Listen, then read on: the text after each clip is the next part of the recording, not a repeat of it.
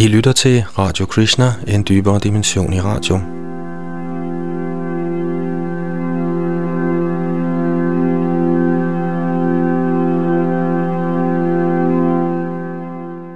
Vi vil i to udsendelser gennemgå en række artikler fra vores nyhedsblad Nyt fra Hare Krishna, hvor Lalitanat stiller spørgsmålet evolution eller intelligent design. Disse artikler er oprindeligt indlæg til debatsiderne på www.religion.dk og er siden blevet trygt i bladet. Det handler her om, hvorvidt evolutionsteorien egentlig kan forsvares strengt videnskabeligt og empirisk, eller om forskningsresultaterne lige så vel, eller måske endda snarere, faktisk peger på intelligent skabelse. Det første indlæg hedder Orden og Kaos. For oplæsningen står Yadunandan Das.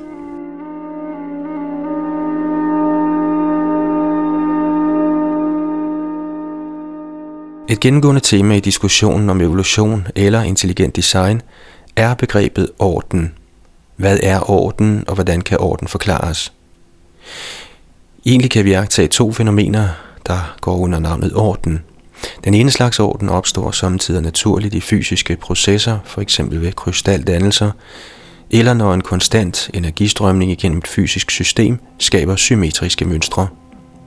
Forekomsten af denne slags orden i levende organismer er ikke nødvendigvis et argument imod evolutionstanken og for intelligent design.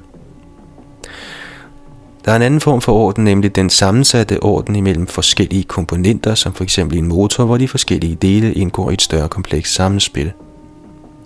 Alene hver for sig har delene ingen funktion eller eksistensberettigelse, og alle delene skal være til stede samtidig, før deres funktion træder frem – kun når de på samme tid er til stede på grund af en bagvedliggende menneskelig intelligens, viser deres funktion sig.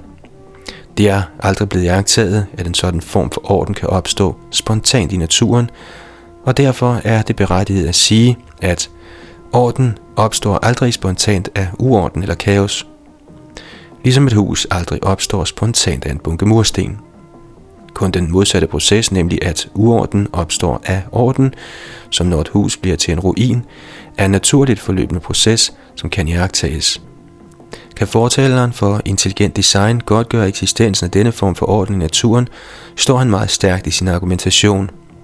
Lad os derfor prøve at anstille nogle betragtninger.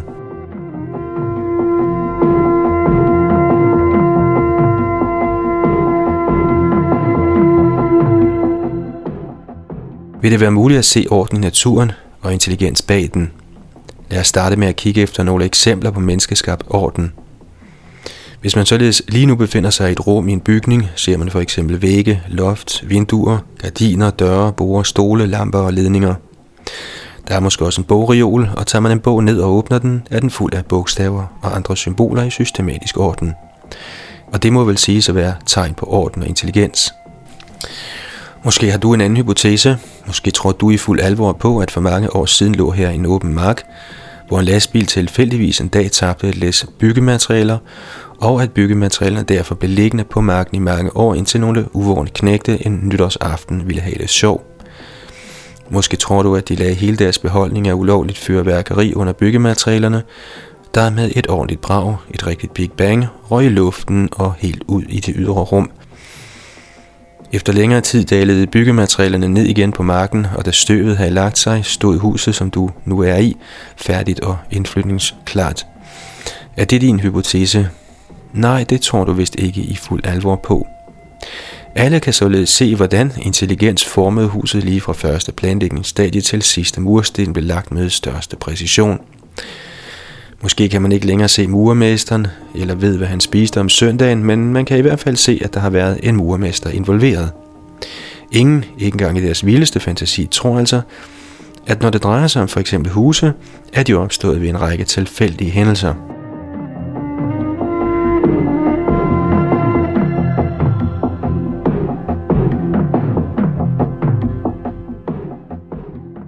Det sjove er, siger fortaleren for intelligent design, at der er mennesker, der i fuld alvor tror dette, når det gælder ikke menneskeskabte ting som universet, livet og naturen. Det på trods af, at den orden og kompleksitet, vi møder i menneskeskabte ting som huse eller computere, er mindre end den kompleksitet, man støder på overalt i naturen. Dette underbygges af, at mennesket ikke kan eftergøre det, der foregår i naturen, hvorfor naturens kompleksitet er langt større og bestemt ikke mindre end menneskeskabt orden og kompleksitet. For eksempel er de store fysiske konstanter som tyngdekraft og elektromagnetisme så nøje afstemte, at var de 1% mindre eller større, eksisterede universet ikke. Om jordens afstand til solen gælder det samme. 1% tættere på eller længere væk, og liv som vi kender det kunne ikke eksistere. Og i alle levende organismer er der en ufattelig kompleksitet. Den menneskelige hjerne indeholder måske 100 milliarder hjerneceller, der er forbundet med hinanden på en mere kompleks måde end hele jordens samlede telefonnet. Øjet er så forbløffende et optisk instrument, at visse ting, som for eksempel glidende ændring af brandpunkt, vil menneskeskabt optik aldrig kunne eftergøre.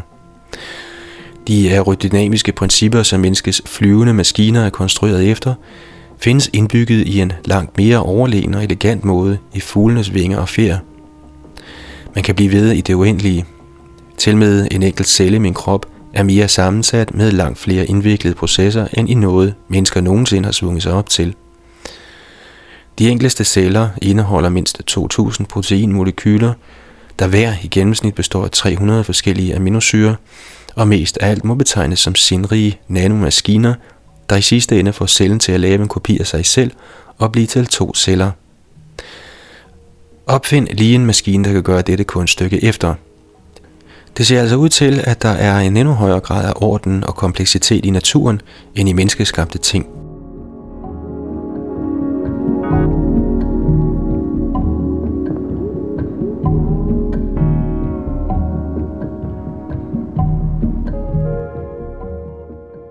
Fortaleren for intelligent design vil med betragtninger af ovennævnte karakter sige, at de, der kigger efter, vil se orden overalt i naturen, og at denne orden er tegn på en bagvedliggende intelligens. Hvis evolutionister omvendt hævder, at denne orden er opstået spontant uden en intelligens eller Gud bag, ligger bevisbyrden hos dem at godt gøre, at dette rent faktisk kan lade sig gøre. Som sagt kan vi konstatere igennem almindelige jagttagelser og erfaring, at orden opstår ikke af uorden. Når evolutionister alligevel postulerer, at orden opstår af uorden, er bevisbyrden deres at demonstrere, at dette overhovedet kan lade sig gøre. Fordi de postulerer noget, der går imod al normal erfaring og iagttagelse, ligger bevisbyrden hos dem. Og før de har løftet denne bevisbyrde, kan evolutionslæren ikke siges at have bevæget sig væk fra det hypotetiske og hen til det dokumenterede.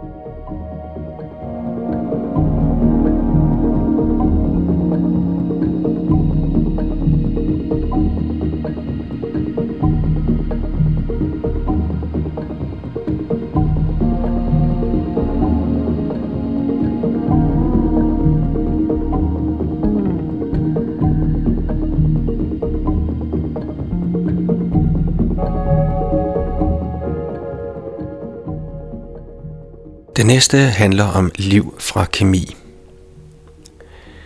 Ifølge evolutionsteorien er liv kemi. Hvad er det videnskabelige grundlag for denne opfattelse?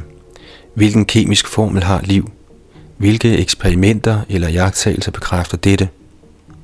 Eksempelvis påstås vand at være en kemisk forbindelse. Betvivler en skeptiker dette, kan man med det samme give ham en kemisk formel, to brintatomer og et iltatom, H2O. Forlanger skeptikeren yderligere dokumentation, kan man demonstrere, at ved at kombinere brint og ilt dannes der vand, og ved spaltning af vand får man to dele brint og en del ilt. Kan livets kemiske sammensætning på samme måde påvises videnskabeligt? Et delvist svar får man ved et nærmere kig på, hvor den præbiotiske biokemi står i dag – Siden 1953, da Dr. Stanley Miller syntetiserede aminosyre ud af en luftblanding, der svarede til det, man mener var jordens atmosfære for 4,6 milliarder år siden, har forskerne været engageret i en målrettet systematisk jagt på det molekyle, der med evnen til at kopiere sig, blev til livet. De enkleste kendte selvkopierende systemer er encellede bakterier, men ingen tror, at de var de første til at formere sig, for selv det simpleste bakterie er ufatteligt komplekst. Er liv et resultat af en kemisk evolution, må der tidligere have eksisteret en række enklere selvkopierende molekyler. Forskerne blev hurtigt enige om, at disse molekyler skulle findes inden for en af de to store grupper af organiske forbindelser, nemlig proteiner og nukleinsyre. Og nukleinsyre kender vi som DNA og RNA. Proteiner er lange kæder af 20 forskellige aminosyre. De enkleste proteiner består af 300 aminosyre, imens komplekse proteiner kan indeholde tusinder af aminosyre. Proteiner er reelt sindrige nanomaskiner, der indgår i et utal af reaktioner i de levende organismer. Nukleinsyre er lange organiske kæder med en række nukleotider på hæftet. Deres funktion er primært at gemme organismens informations- og arvemateriale, men RNA er også katalytisk, det vil sige deltager aktivt i visse reaktioner. Som forskningen skred frem, blev proteiner opgivet. En grund var, at i vand er aminosyre mere stabile hver for sig, end når de forbinder sig i kæder, hvorfor de slet ikke er tilbøjelige til at danne lange proteinkæder. Et andet problem er, at den selvkopiering, der er mulig med proteiner, udover at være betinget af tilstedeværelsen af DNA og RNA, også er en fuldstændig identisk kopiering. Selvom der dannes kopier af proteiner, er disse ikke almindelige ved en darwinistisk udvikling, der kræver en formering med variation eller mutationer for at kunne finde sted. Hvis for eksempel alle hunde fødtes fuldstændig identiske, kunne der ikke ske nogen udvikling af hunderaserne. De første selvkopierende molekyler skal på samme måde have udvist variationer, hvis der skal have foregået en selektion. Derfor blev proteiner opgivet. Der findes altså ingen videnskabelig dokumentation for ideen om, at livet er en kemisk reaktion. Troen på dette må nærmest betegnes som en myte, og det er fristende at postulere, at hypotesen om intelligent design eller skabelse videnskabeligt set er mere sandsynlig.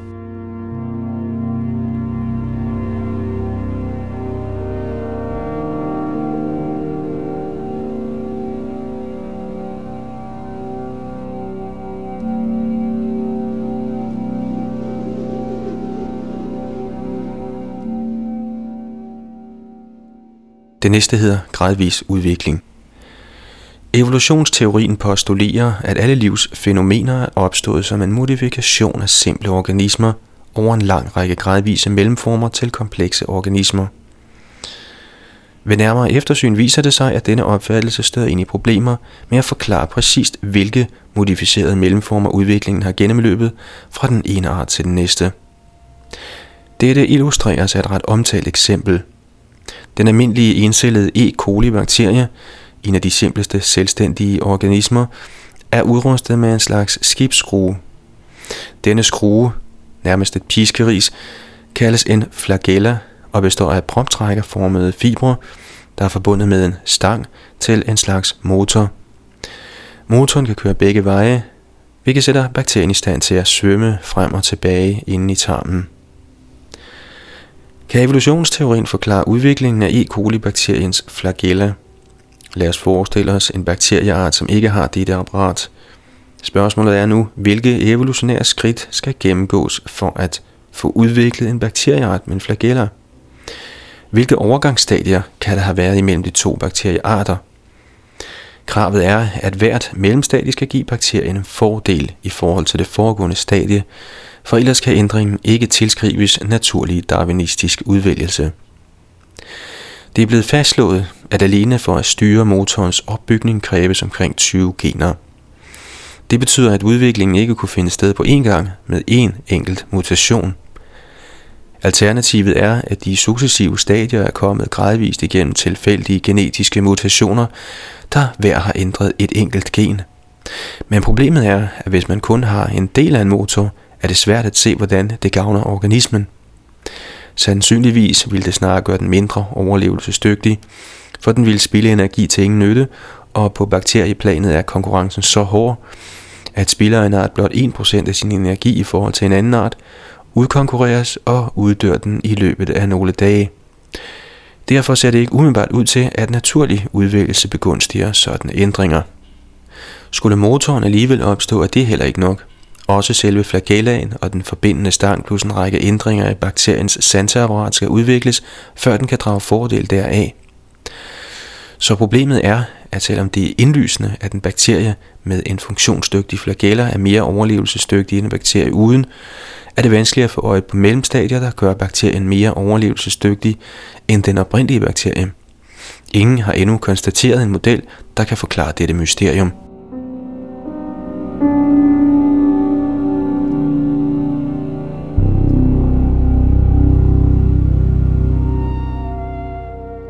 Kolibakteriens svømmeanordning er på ingen måde et enestående eksempel.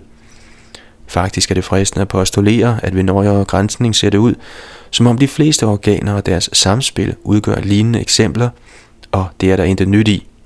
Allerede i 1944 udfordrede genetikeren Richard Goldsmith de kontroversielle evolutionister med en liste over biologiske træk, som ikke kan være udviklet igennem gradvise stadier.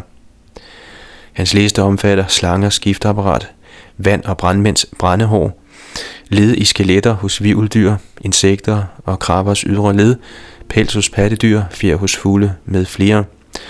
Den dag i dag har ingen præsenteret tilfredsstillende modeller over, hvordan disse træk skulle kunne være opstået igennem gradvise modifikationer. Udfordringen er også imponeret, for den svarer til at skulle lave en model for, hvordan en lommelygte igennem gradvise modifikationer ændres til et farvefjernsyn, eller en symaskine til en motorcykel, vil at mærke gennem en række stadier, der alle skal være fuldt funktionsdygtige.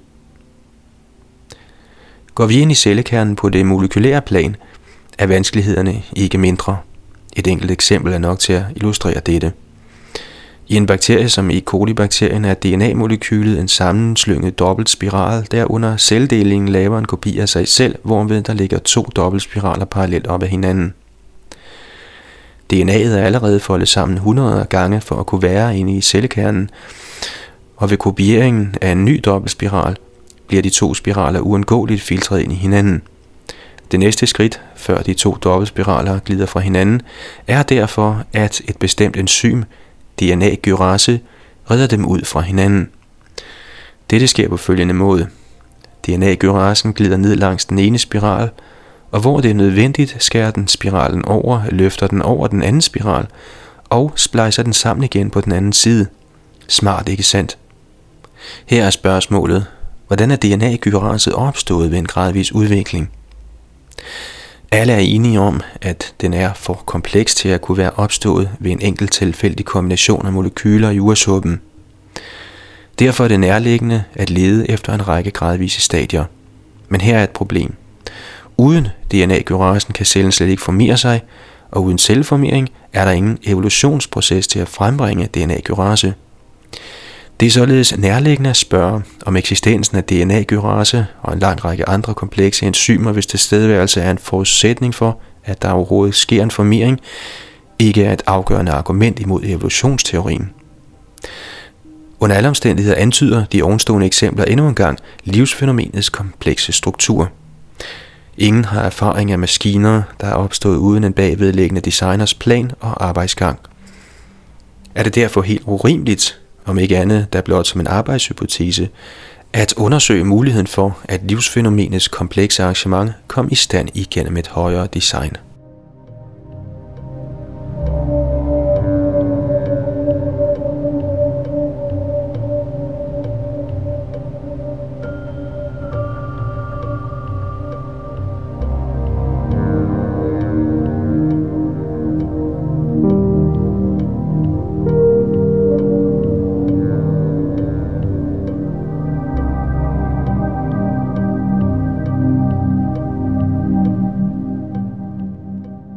Det næste handler om flageller. Mange bakterier som E. coli-bakterien har en særdeles særbredet svømmeanordning, en decideret motor, faktisk den eneste kendte i naturen, der er forbundet med en slags skrue, der sætter bakterien i stand til at svømme rundt i sit vandige miljø. Nogle træk ved motoren er for eksempel en skrue, der egentlig er en tråd eller et bundt tråde, der stikker ud fra en bakteriens bagende – denne tråd eller flagel er skrue eller proptrækker formet og venstre drejet. Når den slynges rundt mod uret, bevæger bakterien sig fremad. Og når flagellen drejes den anden vej med uret, tumler bakterien først rundt et par øjeblikke og ændrer retning, og derefter slynges flagellen igen imod uret, og bakterien svømmer fremad i den nye retning. Ved basis er hver tråd forbundet med en elastisk krog, der virker som et naturligt knæ, og sidder på den roterende aksel, der er forbundet med bakteriemotoren inde i selve bakterien. Hele dette apparat med tråde, krog og motor kaldes også under et for en flagel. Dette maskineri har i enhver henseende meget præcise dimensioner. Flageltråden er proptrækker formet for at kunne drive bakterien frem og består af tusinder af identiske kopier af proteinet flagellin – Flagellinmolekyler syntetiseres inde i selve bakteriecellen.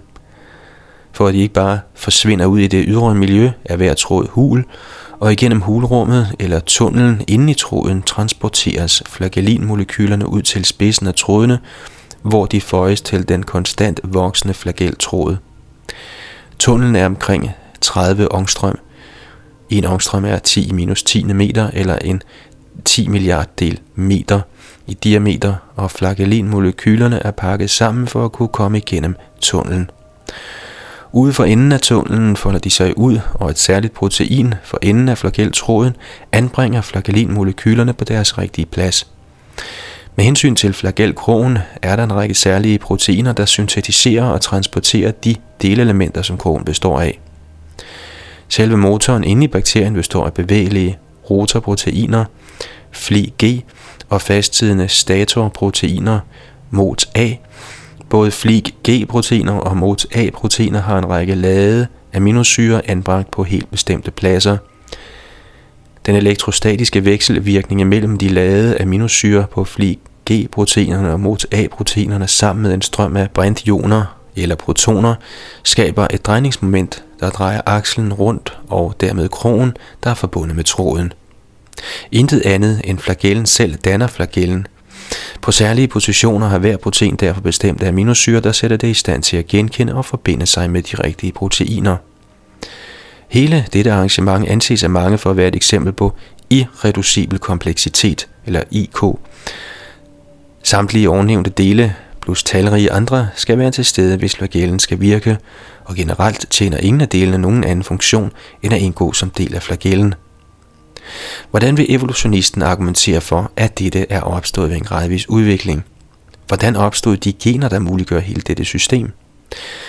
Efter hvad jeg kan se, tror ingen forskere, inklusive evolutionister, at de eksisterede andet steds i bakterien eller udfyldte andre funktioner før flagellens opståen, da de præcise detaljer for hver protein, såsom placeringen af specielt ladede aminosyre på nøjagtigt afstemte positioner i fli G og MOT A-proteinerne, er så specifikke. Under alle omstændigheder foregår al mutation i generne, så det er dem, man skal vende blikket imod.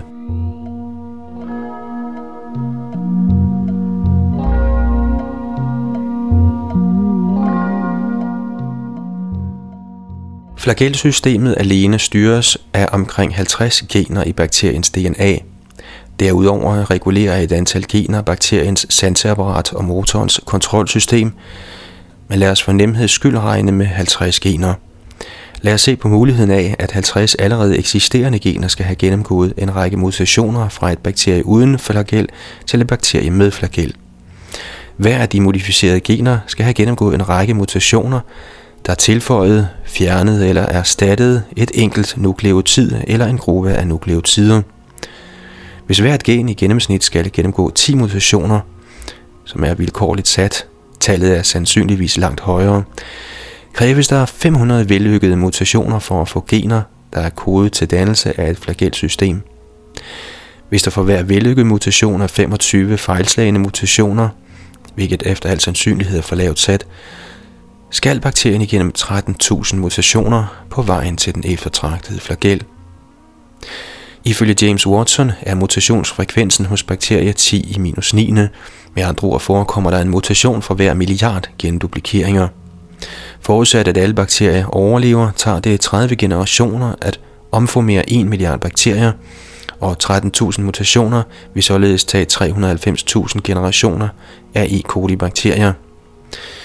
Hvis en bakteriestamme kan få lov til uforstyrret at mutere sig i 390.000 generationer, kunne vi forestille os med rigtig god vilje, at der opstår et flagelsystem – men nu er konkurrencen benhård i bakterieverdenen, og vores håbefulde bakteriestamme vil, indtil den har et fuldstændigt flagelsystem på plads, være handicappet. Hvis den ligefrem bruger energi på at danne og opretholde proteiner, der ingen funktion tjener, er det særligt gralt. Men bare det, at den skal bruge en anelse mere tid på at kopiere sit DNA er problematisk. Den almindelige E. coli-bakterie deler sig normalt hver 20. minut. En bakteriestamme, hvis delingstid er for eksempel var 1% længere, uddør hurtigt. Efter 100 generationer er der kun halvt så mange af dem, som er konkurrenterne. Efter 200 en fjerdedel osv. Efter 390.000 generationer, der tager lidt under 15 år, vil ingen ane, at de nogensinde eksisterede. Til med er 390.000 generationer alt for lavt sat.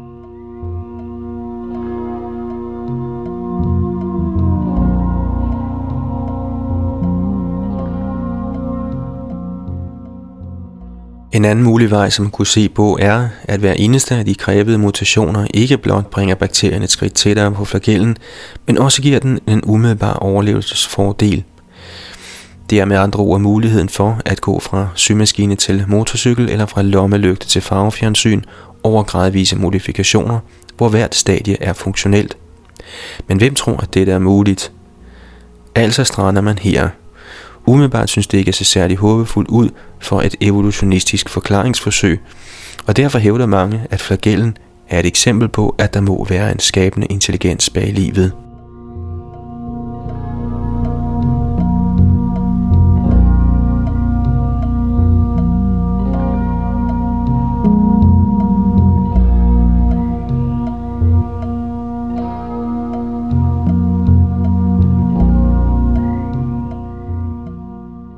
Den næste overskrift hedder, hvor Darwin tog fejl. Et paradoks ved evolutionsteorien er, at selvom Charles Darwin gives æren for at have formuleret den i Arternes oprindelse udkommet i 1859, har meget få læst Arternes oprindelse. Har du? De fleste mener dog at vide, hvad der står i den, og at Darwin i det store og hele havde ret. Men havde han det? Egentlig ikke, og det er fristende at hævde, at en grund til, at hans bog ikke læses meget og ikke anvendes som lærebog i skolerne, er, at den er så fyldt med forkerte facts og konklusioner, at læreren skulle bruge det meste af tiden på at forklare, hvordan både det ene og det andet er forkert. Allerede i begyndelsen af det 20. århundrede blev hans evolutionsteori forkastet og erstattet af neodarwinismen. Alligevel tror de fleste evolutionstilhængere fortsat, at Darwin i det store og hele havde ret – Derfor er det stadig på sin plads at se på, hvor Darwin tog fejl.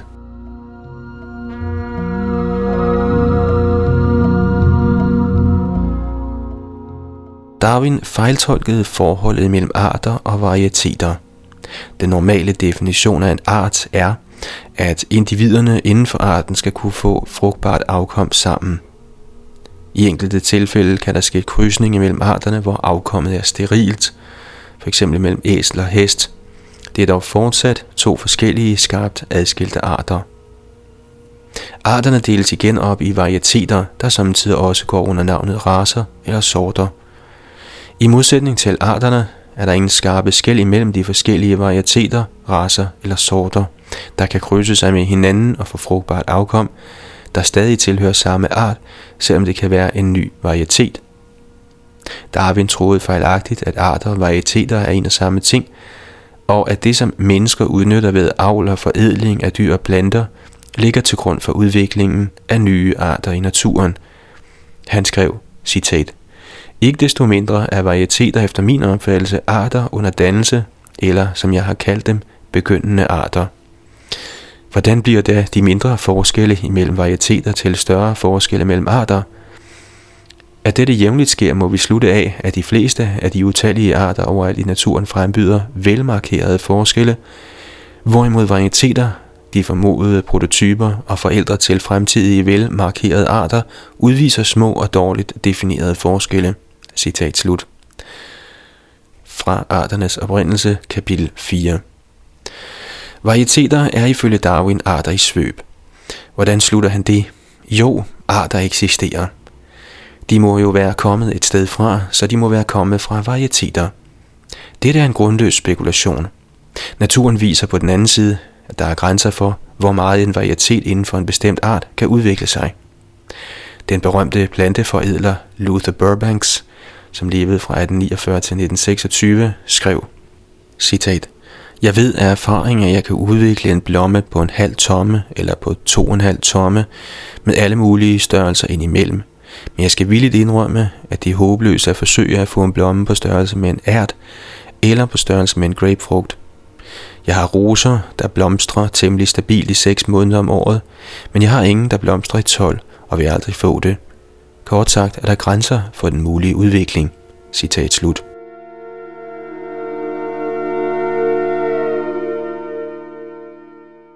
Med genetikkens fremkomst opdagede man, at naturligt eller menneskeskabt avl og forædling kun kan flytte rundt med allerede eksisterende gener, men ikke skabe nye gener.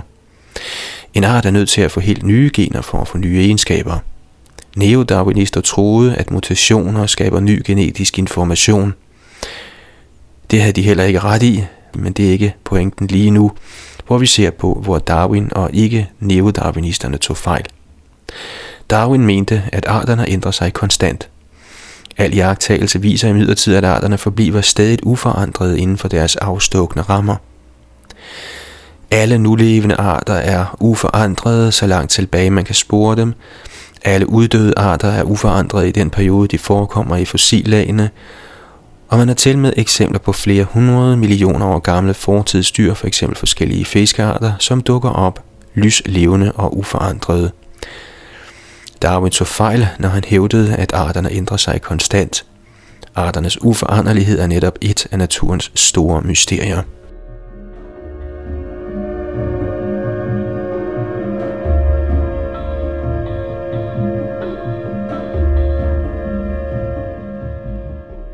Darwin hævdede, at arterne ikke er skarpt adskilte.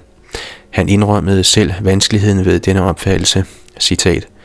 Disse vanskeligheder og indvendinger kan klassificeres under følgende punkter. Hvis arterne for det første nedstammer fra andre arter igennem umærkeligt fine gradvise overgange, hvorfor ser vi så ikke disse talløse overgangsformer? Hvorfor er hele naturen ikke i en stor sammenblanding, i stedet for at have arter, der er skarpt defineret, som vi nu ser dem? Citat slut. Og det er fra Arternes oprindelse kapitel 6. Hvis evolution fandt sted, skulle der eksistere talløse overgangsformer i levende live i dag. Der er ingen. Darwin havde ret i, at der er klare skæld imellem arterne, og at dette taler imod hans teori. Darwin troede, at en art ændrer sig på grund af påvirkning fra føde og miljø og på grund af, hvordan forskellige organer bruges eller ikke bruges. Citat men jeg har en stærk mistanke om, at den hyppigste årsag til ændringer kan tilskrives, at de mandlige og kvindelige forplantningselementer er blevet påvirket forud for selve forplantningen. Citat slut. Arternes oprindelse kapitel 1 Ordret set er dette sjovt nok sandt, men det han mente var forkert. Det er sandt, at skade for vold til æg eller sædceller fra f.eks. stråling eller kemikalier kan medføre fødselsdefekter, der gør afkommet forskelligt for forældrene – men det er ikke, hvad Darwin taler om. Han troede, at livs erfaringer og erhvervede egenskaber påvirkede kønsorganerne. Han gav nogle eksempler. Citat. Den store og nedarvede udvikling af køers og geders yvere i lande, hvor de jævnligt malkes, i sammenligning med disse organers tilstand i andre lande, er et eksempel på, hvordan brug af organer påvirker udviklingen. Citat slut. Arternes oprindelse kapitel 1 Darwin troede, at når man malker en ko dagligt, forøger det de mælkeproducerende hormoner i koen. Disse hormoner påvirker æggestokkene, og den næste generation af køer fødes med større yvere. Citat. Af de ting, jeg har hentydet til i første kapitel, tror jeg ikke, der kan herske meget tvivl om, at brug af visse dele hos vores tamdyr styrker og forøger disse dele, og at manglende brug af dem formindsker dem, og at sådanne modifikationer nedarves. Artens oprindelse kapitel 5 og vi citerer igen fra arternes oprindelse. Jeg tror, at den almindelige, men usædvanlige evne hos vores tamdyr til ikke blot at modstå de vanskelige klimaforhold, men også til at være fuldstændigt frugtbare under disse forhold, kan bruges som et argument for, at en stor del af andre dyr, der nu lever i en naturlig tilstand, let kunne bringes til at kunne tåle forskellige klimaer. Arternes oprindelse kapitel 5 Alle disse opfattelser er forkerte, Moderne videnskabsmænd ved, at erhvervede egenskaber ikke nedarves. Man kan gå til vægtløftning, til man er muskler af stål, men ens børn fødes ikke med større muskler af den grund. Selvom kvinder i visse afrikanske stammer gør deres læber og ører mange gange større ved at hænge vægte i dem, et naturligt skønhedssymbol i disse kulturer, fødes deres piger stadigvæk med samme størrelse læber og ører som piger alle andre steder i verden – Darwin havde ikke ret i, at køer som art får større yvere ved at blive malket, eller at en art, der udsættes for koldt vejr, derved udvikler egenskaber som tykkere pels, tykkere fedtlag og højere stofskifte, der påvirker forplantningsorganerne og får til arternes arvemasse. Darwin troede, at klimaet fik tolerancen imod kulde til at opstå, men det er forkert. Den naturlige udvælgelse eliminerer blot de individer, der manglede de nødvendige egenskaber. Hverken naturlig udvælgelse eller kulde skaber nye egenskaber.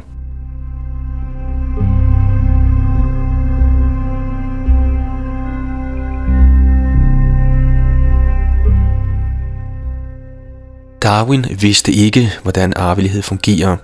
Det indrømmede han selv. Citat. Lovene, der styrer arveprocessen, er helt ukendte. Citat slut fra Arternes oprindelse kapitel 1.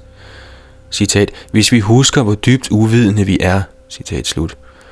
Artens oprindelse kapitel 12. Citat. Men det må specielt bemærkes, at de mere vægtige indvindinger relaterer til spørgsmål, så vi må tilstå ikke bare at være uvidende om, men også være uvidende om, hvor uvidende vi er om dem. Citat slut. Arternes oprindelse kapitel 14. Meget af det, han troede om arvelighed, var forkert, men han hævdede, at selvom han ikke forstod, hvordan arvelighed sker, kan man være sikker på, at det sker, som han mente, det skete. Med andre ord argumenterer han ud fra tro, ikke fra kendskærninger. For at acceptere Darwins teori, måtte folk på hans tid tro på ting, ingen forstod. For at acceptere Darwins teori i dag, må folk tro på ting, der går imod fastslåede videnskabelige kendskærninger. Mange tror fortsat på hans arvelighedsteori, selvom videnskaben allerede for mere end 100 år siden viste, at erhvervede egenskaber ikke nedarves, er denne opfattelse fortsat udbredt selv i uddannede kredse.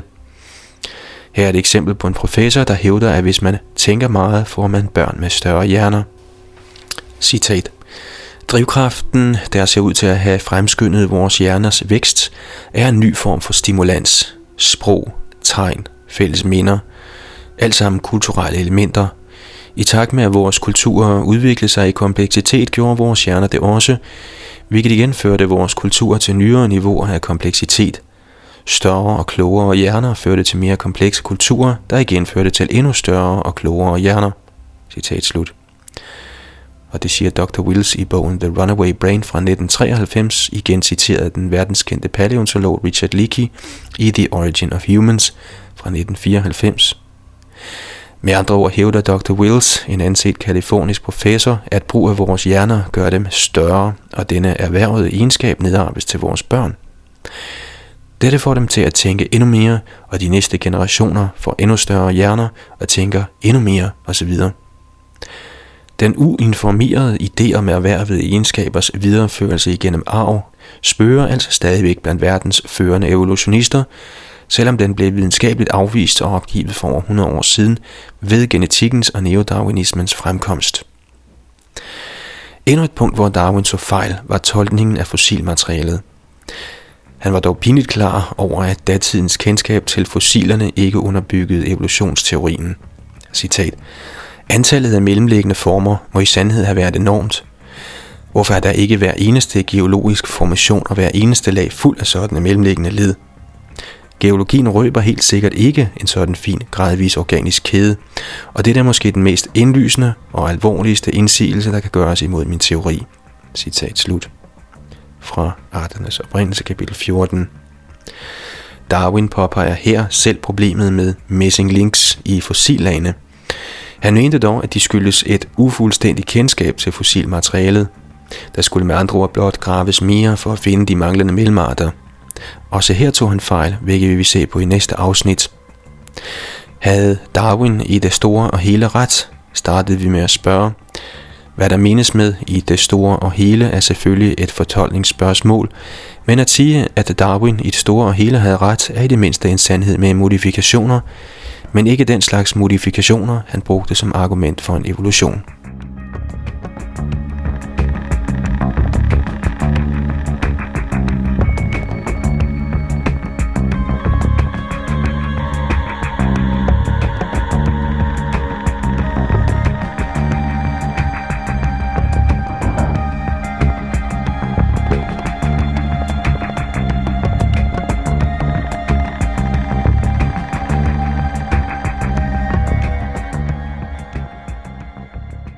Næste afsnit hedder Missing Links. Evolutionslærens empiriske grundlag hævdes at være de fossilspor, som de mange arter har efterladt sig over millioner af år i jordens geologiske lag. Man kommer derfor ikke udenom at se på fossiler, når man diskuterer evolution og intelligent design, og et studium af fossilerne bringer os hurtigt ind på missing links. De fleste har hørt om missing links, men ved alle, hvad det betyder? Sandsynligvis ikke.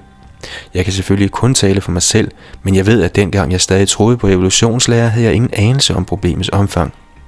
Jeg havde en forståelse af, at missing links betød, at man manglede at finde et enkelt led imellem menneske og abe for at få hele puslespillet til at falde på plads. Så det lød da ikke så galt den dag. Men faktisk er den helt gal. Der mangler ikke blot her og der et par brikker, som det kun er et spørgsmål om tid, før man får gravet frem. Sandheden er, at missing links er et universelt fænomen imellem samtlige arter uden undtagelse. Igennem mere end 150 års rensagning af fossillagene har man ikke fundet et eneste eksempel på overgang fra en art til en anden. Darwin selv var klar over problemet. Han skrev i Arternes oprindelse kapitel 9, citat, Antallet af mellemformer, som tidligere eksisterede, må være ganske enormt. Hvorfor der ikke hver eneste geologisk formation og hver eneste lag fuld af sådanne mellemformer. Geologien åbenbarer os ganske vist ikke nogen sådan trinrække af organiske væsener, og det er måske den største og alvorligste indvending, man kan gøre imod teorien. Citat slut. Darwin havde et svar på røde hånd. Citat. Forklaringen ligger, som jeg tror, i den geologiske videns utilstrækkelighed. Citat slut.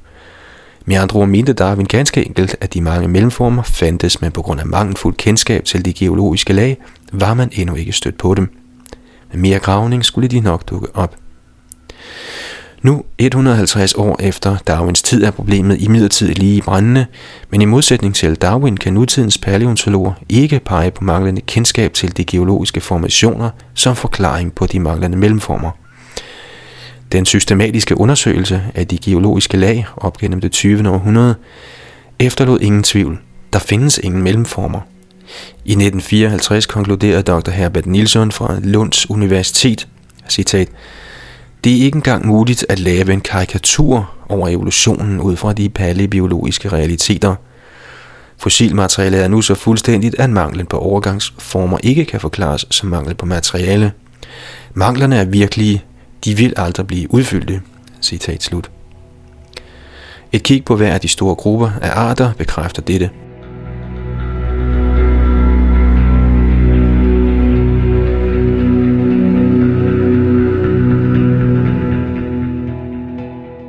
Vivldyr.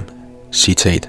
Derfor står man tilbage med fornemmelsen af den spontane frembringelse af vivldyrene for 4-500 millioner år siden. Citat slut. Silman 1960. Encellede væsner, citat. Evolutionister kan ikke forklare oprindelsen til de encellede væsner, citat slut. Gould 1980. Flercellede dyr, citat. Fossiler af flercellede dyr dukker op før rester af encellede dyr i fossillagene, citat slut.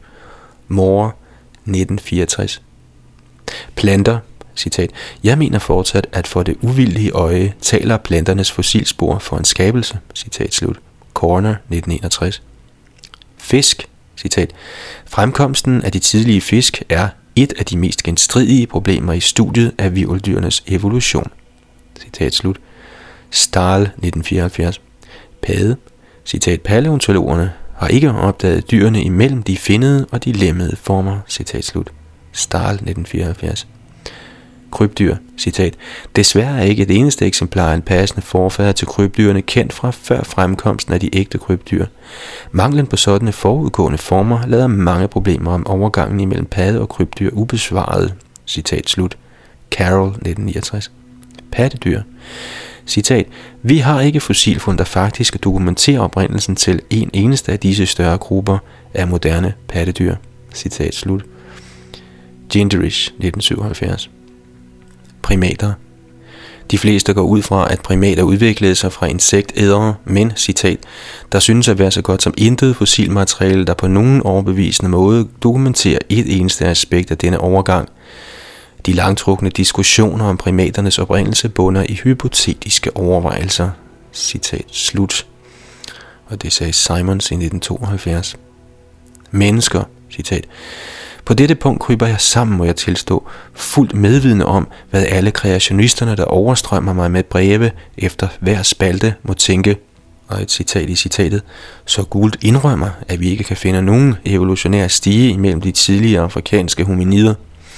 Arter dukker op og forsvinder senere, uden at se spor anderledes ud end deres bedste fædre.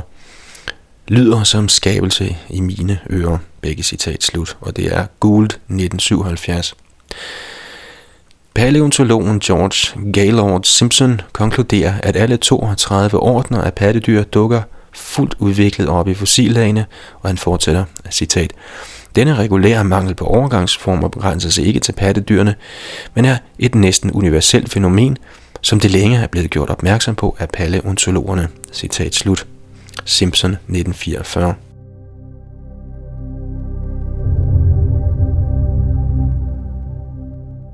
Ovenstående citater kommer uden undtagelse fra videnskabsmænd, der alle er evolutionister. Alligevel er de nødsaget til at indrømme den totale mangel på overgangsformer imellem samtlige arter, selvom evolutionsteorien forudsiger et helt andet mønster. Hvad skyldes dette? Evolutionisterne har forsøgt sig med flere forklaringer, og den generelt accepterede i dag går tilbage til 1972, da Niles Eldridge og Stephen Jay Gould lancerede deres teori om punctuated equilibrium eller afbrudt ligevægt. Ifølge denne teori foregår evolutionen ikke gradvist over meget lang tid, men i pludselige og voldsomme spring over en kort periode.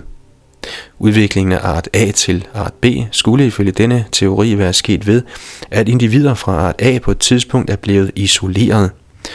På grund af deres isolerede tilstand udvikler denne lille gruppe individer sig meget stærkt på et meget afgrænset område på kort tid, uden at efterlade sig fossilspor. Efter en vis tid bryder den nyligt udviklede art ud fra sin isolation, spreder sig til et større område og efterlader følgelige fossilspor. Fossillagene vil vise en pludselig overgang fra A til B uden mellemformer, for den formodede evolution er foregået på et geologisk øjeblik, for eksempel nogle tusind år. Teorien om punctuated equilibrium er afgjort sindrig, og de fleste evolutionister i dag har taget den til sig. Teorien er dog ikke videnskabelig, da den er uden empirisk basis. Evolutionister kan hverken give empiriske eksempler på, at en art faktisk ændrer sig til en anden, eller forklare mekanismen, der giver ophav til nye arter.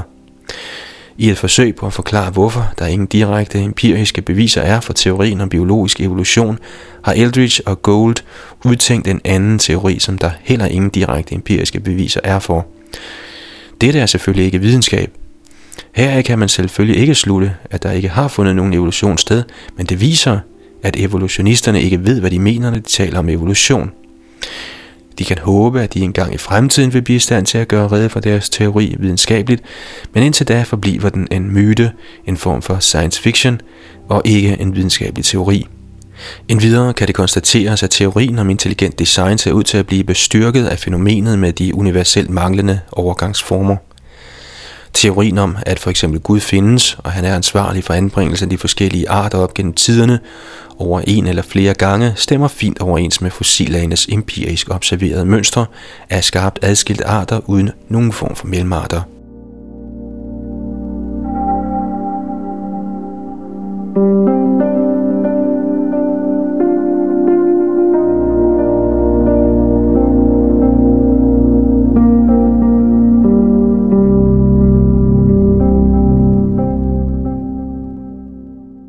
Det næste handler om forbudt arkeologi, og starter med et citat fra en bog med samme navn, eller som den hedder på engelsk, Forbidden Archaeology, af Sadaputa og Jutta Karma, eller Dr. Richard Thompson og Michael Cremo. Og citatet lyder, i 1979 fandt en gruppe forskere under ledelse af Mary Leakey fodspor i 3,6 millioner år gamle aflejringer af vulkansk aske ved Laetoli, Tanzania i Østafrika. Mary Leakey og andre sagde, at fodsporene ikke var til at skelne fra moderne mennesker. For disse forskere betød det blot, at menneskenes forfædre for 3,6 millioner år siden må have haft bemærkelsesværdigt moderne fødder. Men ifølge andre videnskabsmænd, som doktor i fysisk antropologi, R.H. Tuttle fra Universitetet i Chicago viser fossile knogler af kendte australopitheciner, at deres fødder utvetydigt var abelignende. I en artikel i Natural History, marts 1990, indrømmer Tuttle, citat i citatet, vi står over for noget af et mysterium. Det må derfor være tilladt at overveje en mulighed, som hverken Tuttle eller Leak nævner, nemlig at væsener med anatomisk moderne menneskekroppe, der svarer til deres anatomisk moderne menneskefødder, eksisterede for 3,6 millioner år siden i Østafrika. Men hvor interessant denne arkeologiske mulighed end er, forbyder gængse idéer om menneskets udvikling den. Citat slut.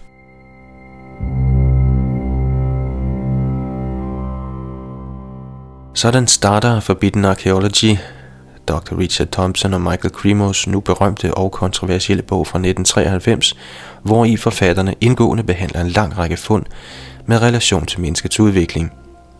Som titlen antyder, er bogens konklusion kontroversiel.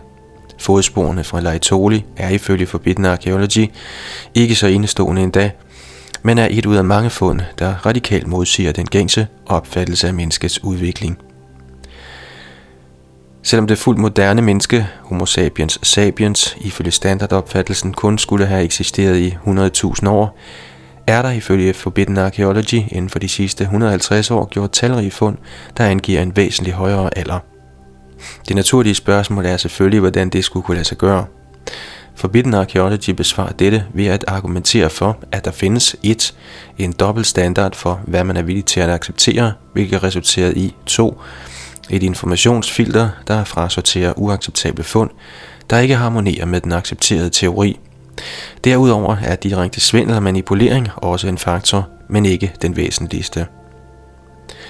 Et eksempel på denne dobbeltstandard og det resulterende informationsfilter er Louis Leakeys fund i 1932 i Kanam, Kenya. Her fandt Louis Leakey en fuldt moderne kæbe i geologiske lag, der blev dateret til minimum 2 millioner år. Da Leakey vendte hjem til England, blev hans fund først bredt anerkendt og accepteret. Nogle år senere udbrød der imidlertid en kontrovers om fundet, og en geolog ved navn Boswell insisterede på at rejse med Leakey helt tilbage til Afrika for at få fundstedet bekræftet. Nu skete der desværre på uheld. Leakey havde markeret fundstedet med jernstænger, men de indfødte havde gravet dem op og brugt dem til at lave spyd med.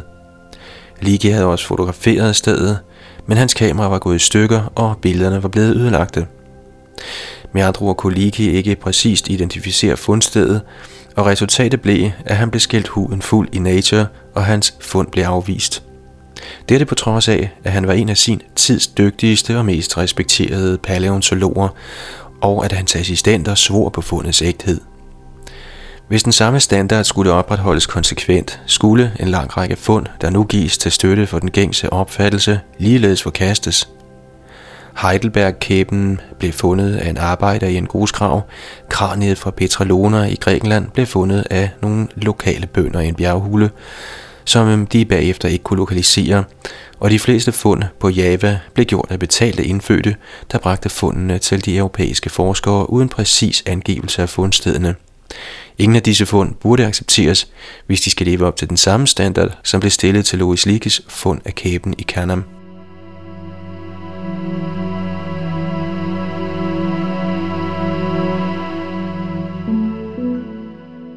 Ifølge Forbidden Archaeology har denne dobbeltstandard og dets resulterende informationsfilter i løbet af 150 år frasorteret en imponerende mængde fund, der, hvis de blev taget med i betragtning, ville give os et helt andet billede af menneskets udvikling.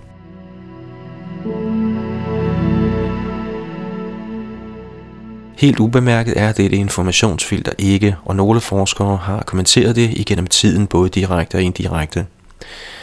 I forbindelse med opdagelsen af en indgraveret muslingeskal, dateret til 2 millioner år, og lignende fund i England, skrev den franske antropolog de Quatrefages i 1884, citat, Indvendingerne imod eksistensen af mennesket i Pleocen og Miocen ser oftest ud til at være mere relateret til teoretiske overvejelser end direkte observationer. Citat slut. Og Pleocen og Miocen er geologiske tidsaldre, der går henholdsvis 5-25 millioner år tilbage og 25-38 millioner år tilbage. I 1880 offentliggjorde Kaliforniens statsgeolog J.D. Whitney en rapport over en lang række fund i kaliforniske guldminer, dateret til en alder fra 9 til 55 millioner år, og W.H. Holmes fra The Smithsonian Institute kommenterede dem i 1899, citat. Måske hvis professor Whitney fuldt ud havde påskyndet menneskets udvikling, sådan som den forstås i dag, ville han have tænkt sig om, før han bekendtgjorde de formulerede konklusioner, desuagtet den imponerende række af vidnesbyrd, som han var stillet over for. Citat slut. Med andre ord skal virkeligheden ifølge W.H. Holmes afvises på trods af et nok så imponerende opbud af vidnesbyrd, hvis disse vidnesbyrd strider imod en bestemt favoriseret teori.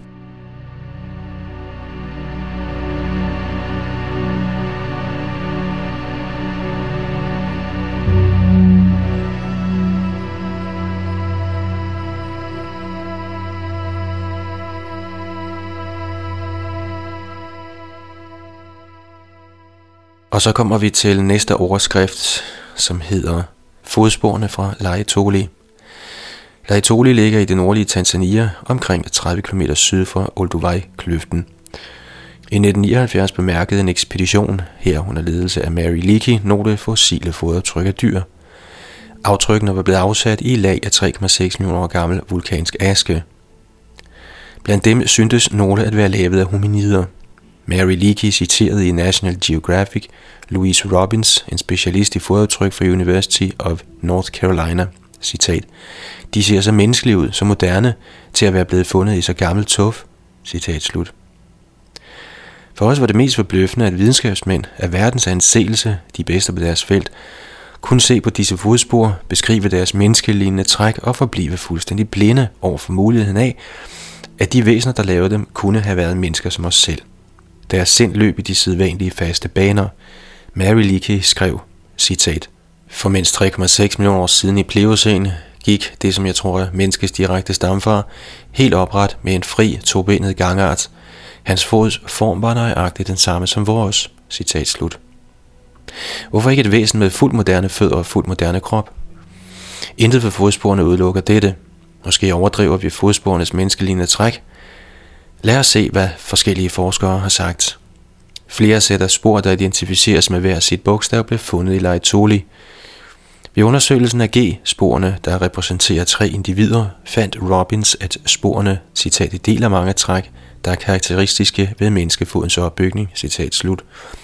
Hun bemærkede specielt, at store tåene peger direkte frem, som hos mennesker, og ikke ud til siden, som hos aber. Hos aber kan stortåen bevæges nærmest ligesom menneskets tommelfinger. Robbins konkluderede, at, citat, de fire funktionelle områder, hæl, svang, fodballe og tæer, hos hominiderne gav aftryk på en typisk menneskelignende måde, citat slut. Og, citat, hominiderne gik hen over askefladen på en for mennesker typisk tobenet måde, citat slut.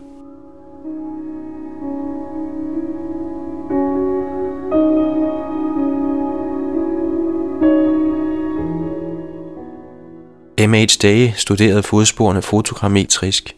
Fotogrammetri er fotografisk måling.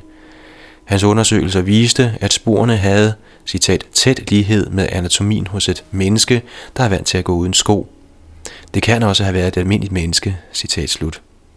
Typisk konkluderede Day, citat, der kan nu ikke være nogen seriøs indvending imod australopithecinernes oprette positur og tobenede gangart, citat slut og Australopithecus er en uddød abeart, en påstået stamfar til mennesket.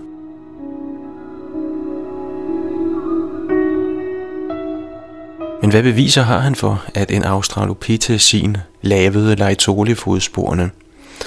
Der er ingen grund til at udelukke muligheden af, at et ukendt væsen, måske meget lige moderne homo sapiens, lavede dem. R.H. Tuttle sagde, citat, formen af fodsporene er ikke til at skille fra gående, barfods vante mennesker, citat slut. Tuttle sagde også, citat, de er som små, barfodede homo sapiens, citat slut. Desuden mente Tuttle, at foden hos A. afarensis, eller den berømte Lucy, ikke kunne have lavet aftrykkene. A. afarensis havde lange, krumme tæer, og Tuttle sagde, at det var svært at forestille sig, at de, citat, svarede ordentligt til fodsporene ved Leitoli, citat slut. Det samme ville være sandt for enhver anden sin fod. Nogle gjorde indsigelser imod dette. Overbevist om, at den abelignende A. afarensis fod havde lavet Laetoli-sporene, foreslog de, at fortidens hominider havde gået hen over den vulkanske aske med deres tæer krøllet sammen under deres fødder, som chimpanser samtidig ses gøre det. Tuttle fandt dette ekstremt usandsynligt. Hvis Laetoli-hominiden havde lange tæer, ville man, sagde Tuttle, forvente to slags toaftryk. Lange, udstrakte tæer og korte, sammenkrøllede tæer med ekstra dybe knoaftryk. Dette blev ikke fundet, hvilket betød, at den langtåede af afarensis fod ikke kunne have lavet fodsporene.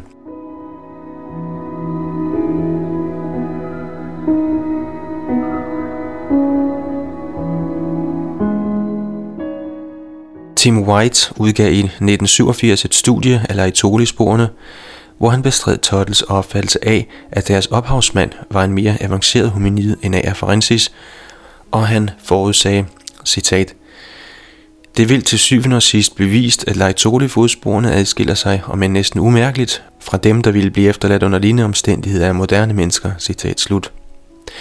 Men så vidt hvem som helst kan se, er de altså uadskillelige fra moderne menneskers. Selv Tim White selv sagde, citat, Tag ikke fejl her, de er så moderne fodspor. Hvis et af dem blev set på en strand i dag, og en fireårig blev spurgt, hvad det var, ville han ved det samme sige, at nogen har gået her. Han vil ikke kunne skelne dem fra hundredvis af andre fodspor på stranden, og det ville I heller ikke kunne. Den ydre morfologi er den samme. Det er en velformet moderne hæl med en stærk svang og en gedin fodballe foran den. Stortåen peger ret frem, de peger ikke ud til siden som en abetog. Citat slut. Og Tuttle bemærkede, citat, I alle morfologiske træk, der kan konstateres, er fødderne på de individer, der lavede G-sporene, uskillende lige fra moderne menneskers. Citat slut.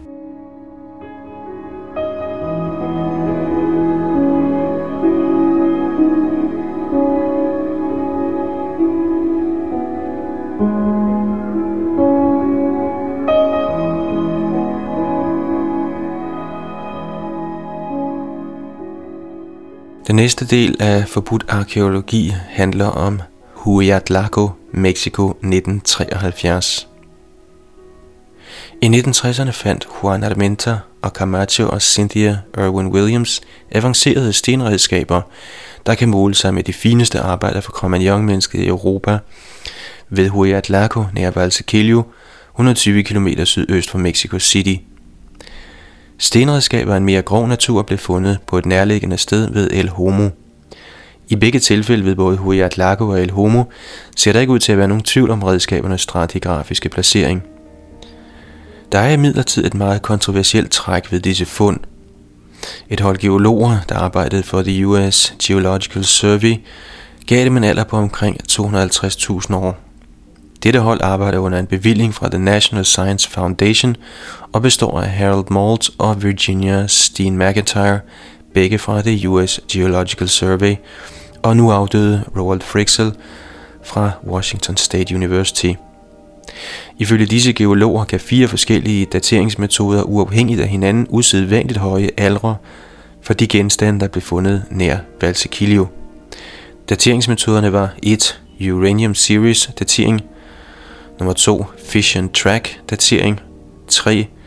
Tephra Hydration datering. Og 4.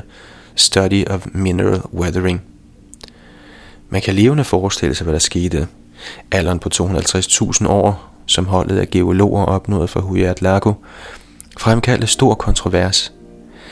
At acceptere den ville ikke blot revolutionere den nye verdens antropologi, men hele billedet af menneskets oprindelse – Mennesker, der er i stand til at lave avancerede redskaber som dem, der blev fundet ved Huyat Largo, menes ikke at have eksisteret indtil for omkring 100.000 år siden i Afrika.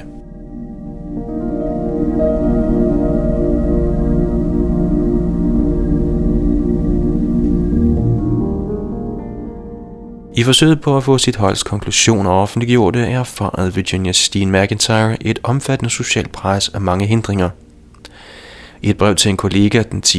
juli 1976 skrev hun, citat, Igennem slader bag vores ryg fandt jeg ud af, at Hal, Roald og jeg i nogle kredse anses for at være opportunister, og at vi kun ønsker publicitet og offentlig omtale på grund af Huyat Lako.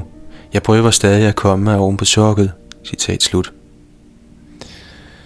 Offentliggørelsen af en afhandling, som Steen McIntyre og hendes kolleger skrev om Huyat Lago, blev uforklarligt holdt tilbage i overvis – Afhandlingen blev først fremlagt ved en antropologisk konference i 75 og skulle have været trygt i et symposium fra konferencen. Fire år senere skrev Steen McIntyre til H. Fulbright fra Los Alamos Scientific Laboratory, en af redaktørerne på den hele tiden snarligt kommende bog, citat, Vores fælles artikel om Huyat Lago-fundet er en virkelig bombe. Den anbringer mennesket i den nye verden tidligere end mange arkeologer gerne vil tro det. Hvad værre er, anses de redskaber, der blev fundet in situ, af de fleste for at være et tegn på homo sapiens. Ifølge den nuværende teori var homo sapiens endnu ikke blevet udviklet på den tid, og slet ikke i den nye verden. Citat slut. Sten McIntyre fortsatte sin forklaring. Citat. Arkeologerne laver et ansenligt spektakel over Huyat Lago. De nægter sågar at have det med i deres betragtninger. Jeg har erfaret igennem andenhånds kilder, at blandt forskellige medlemmer af professionen anses jeg for at være nummer 1 ukvalificeret, nummer 2 en nyhedssensationist, 3 en opportunist, 4 uærlig, 5 en tobe. Naturligvis befordrer ingen af disse opfattelser mit professionelle omdømme. Mit eneste håb om at få mit navn renset er at få artiklen om Huyat Lago offentliggjort, så folk selv kan vurdere beviserne. Citat slut. Da Stine McIntyre ikke fik svar på denne og andre anmodninger om flere oplysninger, trak hun artiklen tilbage, men hendes manuskript blev aldrig sendt tilbage til hende.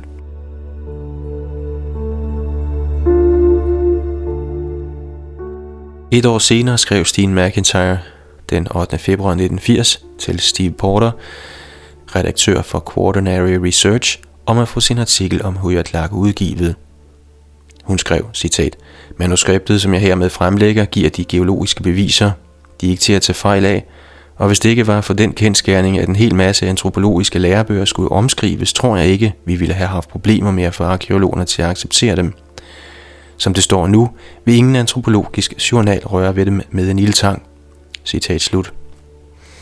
Steve Porter skrev i sit svar til Steen McIntyre den 25. februar 1980, at han ville overveje at offentliggøre den kontroversielle artikel.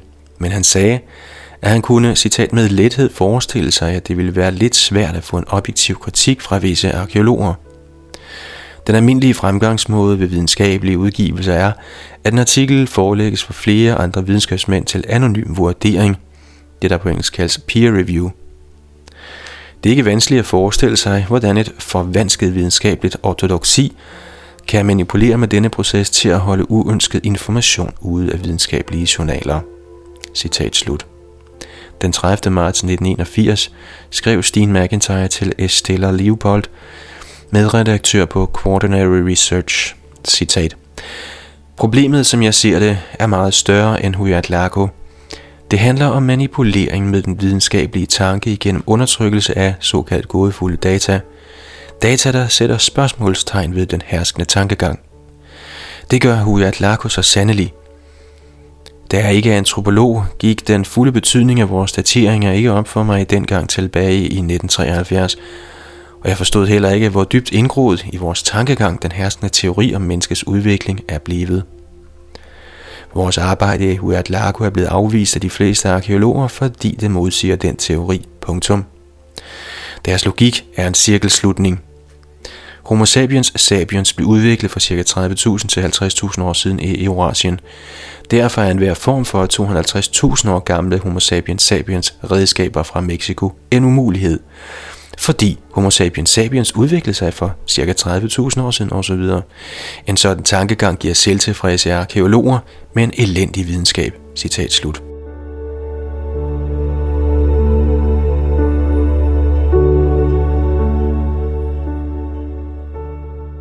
I sidste ende offentliggjorde Quaternary Research 1981 en artikel af Virginia Steen McIntyre, Roald Frixel og Harold E. Malt. Artiklen holdt fast ved en alder på 250.000 år for fundstedet ved Huayatlaco. Naturligvis er det altid muligt at komme med indvendinger imod arkeologiske aldre, og det gjorde Cynthia Irwin Williams i et brev som svar til Steen McIntyre, Frixel og Malt. Hendes indvendinger blev imødegået punkt for punkt i et brev fra Malt og Steen McIntyre. Men Irwin Williams gav sig ikke. Hun og med hende det meste af det amerikanske arkeologiske samfund fortsætter med at forkaste Steen McIntyre og hendes kollegers datering af Huayat Lago. De afvigende fund fra Huyatlaku resulterede i personlige nedgørelse og mindre heldige professionelle konsekvenser, inklusiv tilbageholdelse af bevillinger og tab af arbejde, faciliteter og omdømme for Virginia Steen McIntyre. Hendes eksempel åbner et sjældent vindue til de faktiske sociale processer, der undertrykker data inden for paleantropologien.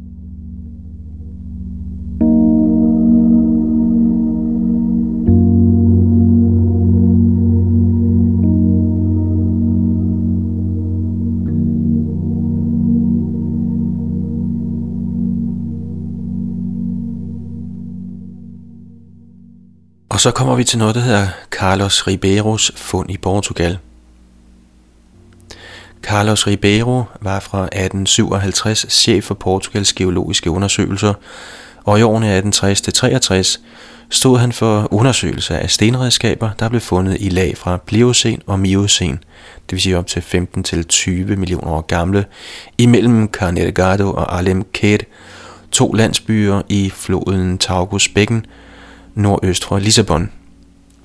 Ribeiro fandt mange steder forarbejdede flækker af flint og kvartsit i tertiære lag, men da han syntes, han måtte underkaste sig det fremherskende videnskabelige dogme, der fortsætter gældende, om at mennesker ikke er ældre end kvartertiden, gav han på Portugals officielle geologiske kort i 1866 modstræbende yngre aldre til nogle af de lag, der indeholdt redskaber – da den franske geolog Edouard de Verneuil så disse kort, erklærede han sig uenig og påpegede, at de pågældende lag afgjort var fra Pliocen eller Miocen.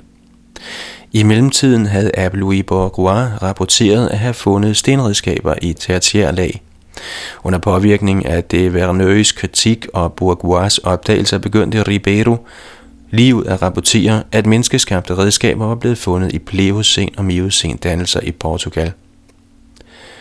I 1871 præsenterede Ribeiro en samling stenredskaber, inklusive nogle, der var blevet fundet i Tagusdalens tertiære formationer for det portugisiske videnskabsakademi i Lissabon.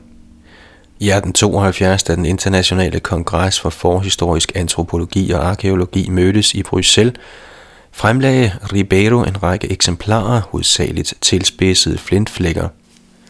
Den videnskabelige opfattelse var delt. Ved Paris udstilling i 1878 udstillede Ribeiro 95 flintredskaber fra tertiærtiden. Den indflydelsesrige franske antropolog Gabriel de Mortil erklærede, at 22 eksemplarer bar ubestridelige tegn på menneskelig forarbejdning. Sammen med sin ven og kollega Emil Cartiac gjorde de Mortil andre videnskabsmænd interesserede. Alle var enige om, at en stor del af flintflækkerne var tilvirket af mennesker. Ved den internationale kongres for forhistorisk antropologi og arkeologi i Lissabon i 1880 udstillede Ribeiro flere ting fra Miocene lag. Kongressen udpegede en særlig kommission til at besigtige redskaberne og fundstederne. Den 22. september 1880 rejste kommissionens medlemmer med tog til Carregado i Tagosflodens dal og derfra videre til nærliggende Otta. To kilometer fra Otta ligger bjerget Monte Redondo, her spredtes forskerne ind i forskellige kløfter i jagt på flintredskaber.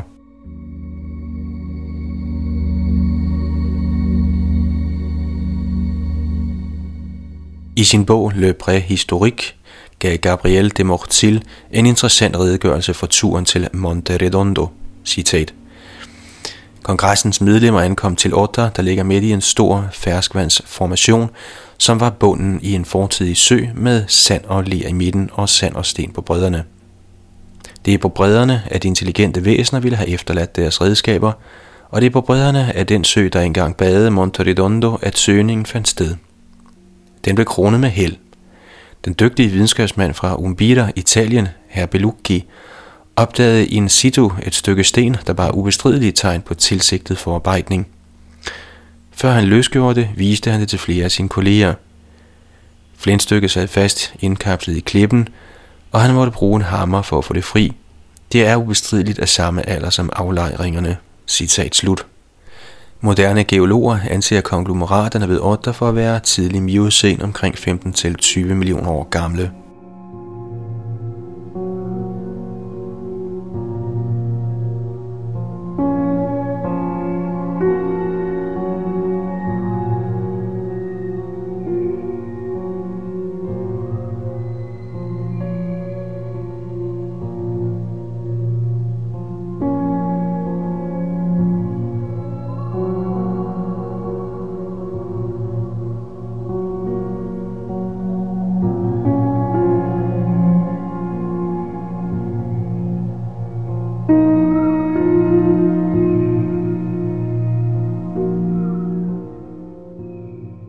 I vores underrubrik Forbudt arkeologi i serien om evolution eller intelligent design, er vi nu kommet til noget, der hedder Skeletterne fra Castane Dolo i Italien 1879. Og det her det er som sædvanligt hentet fra vores nyhedsblad Nyt fra Hare Krishna, og er sammenstillet af Lalitana Das, hvor han har brugt information fra Forbidden Archaeology, som er Dutakarma og Sadabutas bog om, ja, netop forbudt arkeologi. I dette uddrag fra Forbudte Arkeologi fortælles om den italienske geolog Giuseppe Ragazzonis fund af fire moderne skeletter i 3-4 millioner år gamle jordlag. Fundene blev gjort i Norditalien i perioden 1860-1880.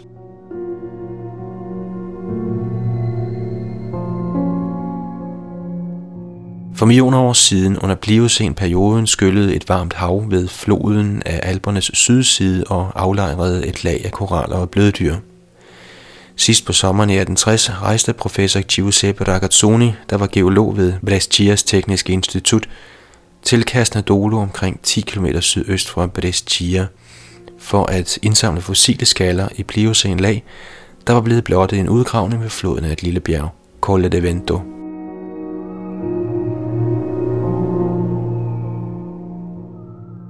Ragazzoni rapporterede, citat, Imens jeg søgte langs en koralbanke efter skaller, fik min hånd fat i den øverste del af et kranie. Det var fuldstændig fyldt med koralstykker, som var sammenkittet med de blågrønne lir, der er karakteristisk for den formation. Forbløffet fortsatte jeg med at søge. Udover den øverste del af kraniet fandt jeg andre knogler fra brystkassen og benene, der helt tydeligt tilhørte et individ af den menneskelige art. Citat slut. Ragazzoni viste knoglerne til geologerne A. Stopani og G. Curioni. Ifølge Ragazzoni var deres reaktion negativ, citat. Uden at fæstne meget lid til omstændighederne ved opdagelsen, afsagde de deres mening, at i stedet for at komme fra et menneske fra meget gamle tider, stammede knoglerne fra en begravelse i nyere tid. Citat slut. Jeg smed da knoglerne væk, sagde Ragazzoni. Ikke uden beklagelse, for jeg fandt dem liggende imellem koraller og skaller, hvilket på trods af de to dygtige videnskabsmænds opfattelser, får det til at se ud, som om de var blevet ført af havets bølger og dækket til med koral, skaller og lir. Sagde altså Ragazzoni. Det var ikke enden på historien. Ragazzoni kunne ikke få den idé ud af sit hoved, at knoglerne, han havde fundet, kom fra et menneske, der levede i Pleocene. Derfor, skrev han, vendte jeg lidt senere tilbage til samme sted, og var i stand til at finde brudstykker af knogler i samme tilstand som dem, der først blev opdaget.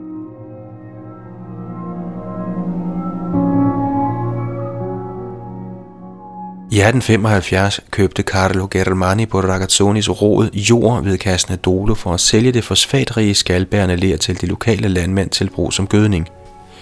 Ragazzoni oplyste, jeg forklarede Germani om de knogler, jeg havde fundet, og rådede ham stærkt til at være på vagt under sine udgravninger og vise mig enhver ny form for levende mennesker.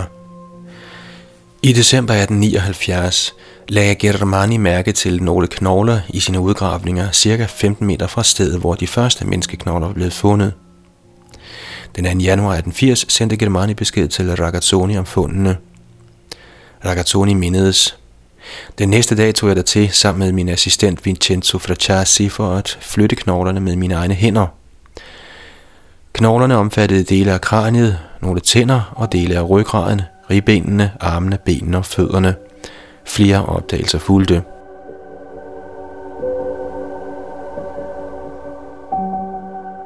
Den 25. januar bragte Germani nogle kæbestumper og tænder til Ragazzoni. De var blevet fundet omkring 2 meter fra knoglerne, der var blevet afdækket tidligere i januar.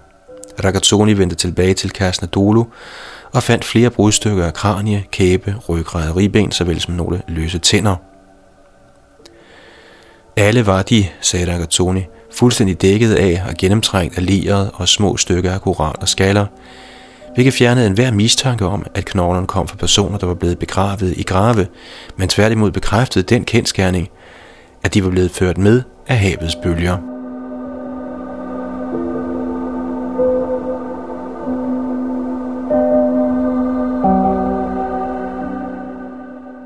Den 16. februar underrettede Germani Ragazzoni om, at et fuldstændigt skelet var blevet opdaget.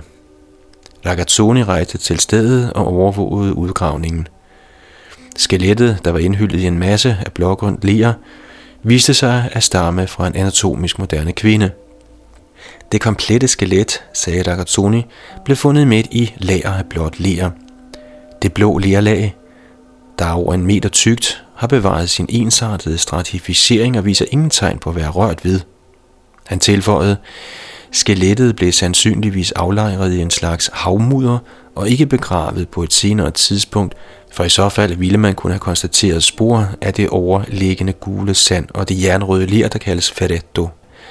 Kort sagt ville enhver form for begravelse med sikkerhed have bevirket en mærkbar blanding af forskelligt farvede emner i det ellers urørte blå lerlag, og geologen Ragazzoni bekræftede, at der ikke var tegn på nogen sådan blanding.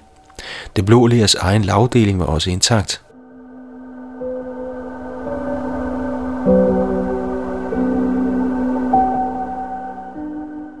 Ragazzoni tog også hensyn til en anden mulig indvending, der kunne gøres imod hans konklusion om, at menneskeknoglerne fra Castendolo var lige så gamle som Pliocene-lagene, som de blev fundet i. Måske havde nogle vandløb fjernet lagene over det blå ler og også delvist trængt ned i selve det blå ler. Menneskeknoglerne kunne da være blevet skyllet ned i disse fordybninger, og nyt materiale kunne have aflejret sig over dem. Dette kunne forklare, hvorfor der ikke var tegn på nogen form for krav. Men øh, Ragazzoni sagde, at det var usandsynligt, at menneskefossilerne var blevet skyllet ned i nyere tid i de lejringer, hvor de blev fundet. Citat. Fossilresterne, der blev opdaget den 2. januar og den 25. januar, lå i en dybde på omkring 2 meter. Knoglerne befandt sig på grænsen imellem banker af skaller og koral og det overliggende blå ler. De var spredt ud, som om de var blevet splittet af bølgerne mellem søskallerne.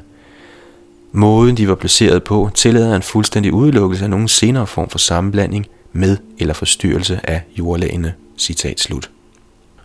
Ragazzoni oplyste videre, citat, Skelettet, der blev fundet den 16. februar, fandtes i en dybde på over en meter i det blå ler, der syntes at have tildækket det igennem langsomme, gradvise aflejringer. Citat slut.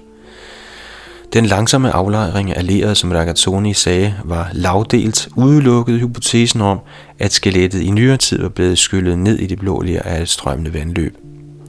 Moderne geologer placerer de blå lerlag ved kassen Dolo i fasen The Astian, imellem Pliocen, hvilket giver fundene fra Casnodolo en alder på omkring 3-4 millioner år.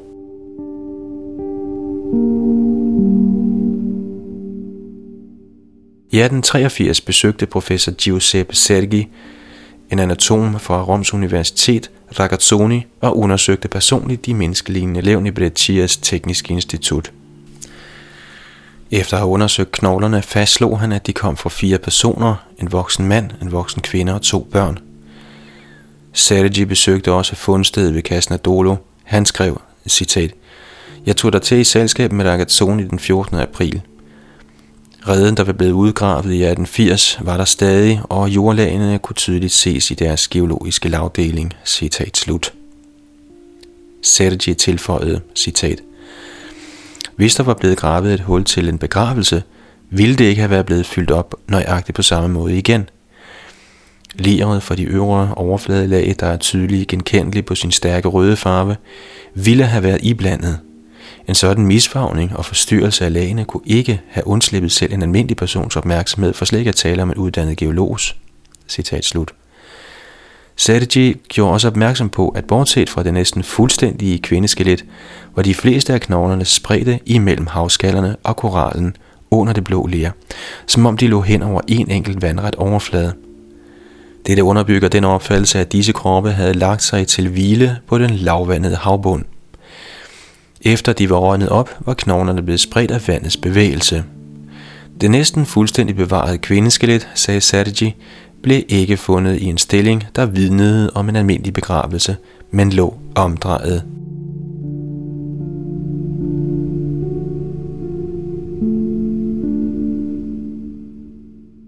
Sergi var overbevist om, at skeletterne fra kassen Dolo var jordiske rester af mennesker, der levede i Pliocene-perioden i tertiærtiden, om andres negative opfattelse sagde han, citat, Tilbøjeligheden til på grund af forudfattede teoretiske opfattelser af forkaste enhver opdagelse, der kan påvise en menneskelig tilstedeværelse i at tiden, er, mener jeg, en slags videnskabelig fordom.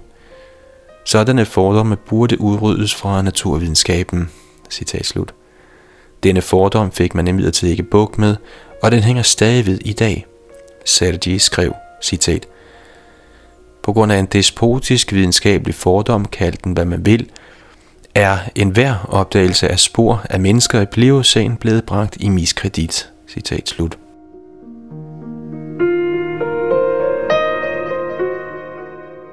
Sergi stod ikke alene med sin accept af Ragazzonis opdagelser ved Castanedolo. Armand de Quatrefages accepterede dem også. Med hensyn til det kvindelige skelet, der befundet ved Castanedolo, sagde han i sin bog Races Humanies, citat, der findes ingen virkelig grund til at betvivle Ragazzonis opdagelser, og hvis de var blevet gjort i et lag fra kvartertiden, ville ingen have tænkt på at bestride deres nøjagtighed. Intet kan derfor siges imod dem, ud over teoretiske a priori indvendinger. Citat slut. Et godt eksempel på den urimelige behandling, som Casnadolo-fundene har fået, kan findes i professor R.A.S. McAllisters Textbook of European Archaeology fra 1921. McAllister indrømmede, at Casnadolo-fundene, citat, må, hvad end vi mener om dem, tages alvorligt, citat slut. Han bemærkede, at de, citat, blev bragt for dagen af en kvalificeret geolog, Ragazzoni, og undersøgt af en kvalificeret anatom, Sergi, citat slut. Alligevel kunne han ikke acceptere deres pliocen alder.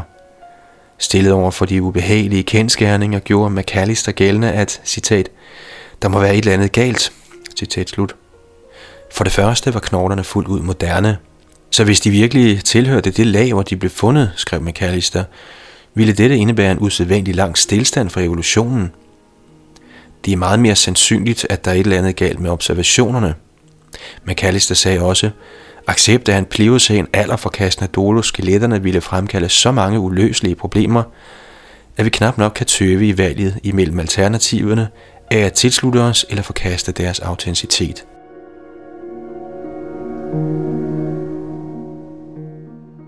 I Castanedolos tilfælde ser man manglerne ved paleontologernes metoder. Den oprindelige tillæggelse af en pliocæn alder til fundene fra 1860 og 1880 virker berettiget – Fundene blev gjort af en faglært geolog, G. Ragazzoni, der omhyggeligt iagtog fundstedets stratigrafi. Han søgte specielt efter tegn på indtrængning såsom grave og bemærkede ingen. Ragazzoni rapporterede på korrekt vis sine fund til videnskabelige kolleger i videnskabelige journaler.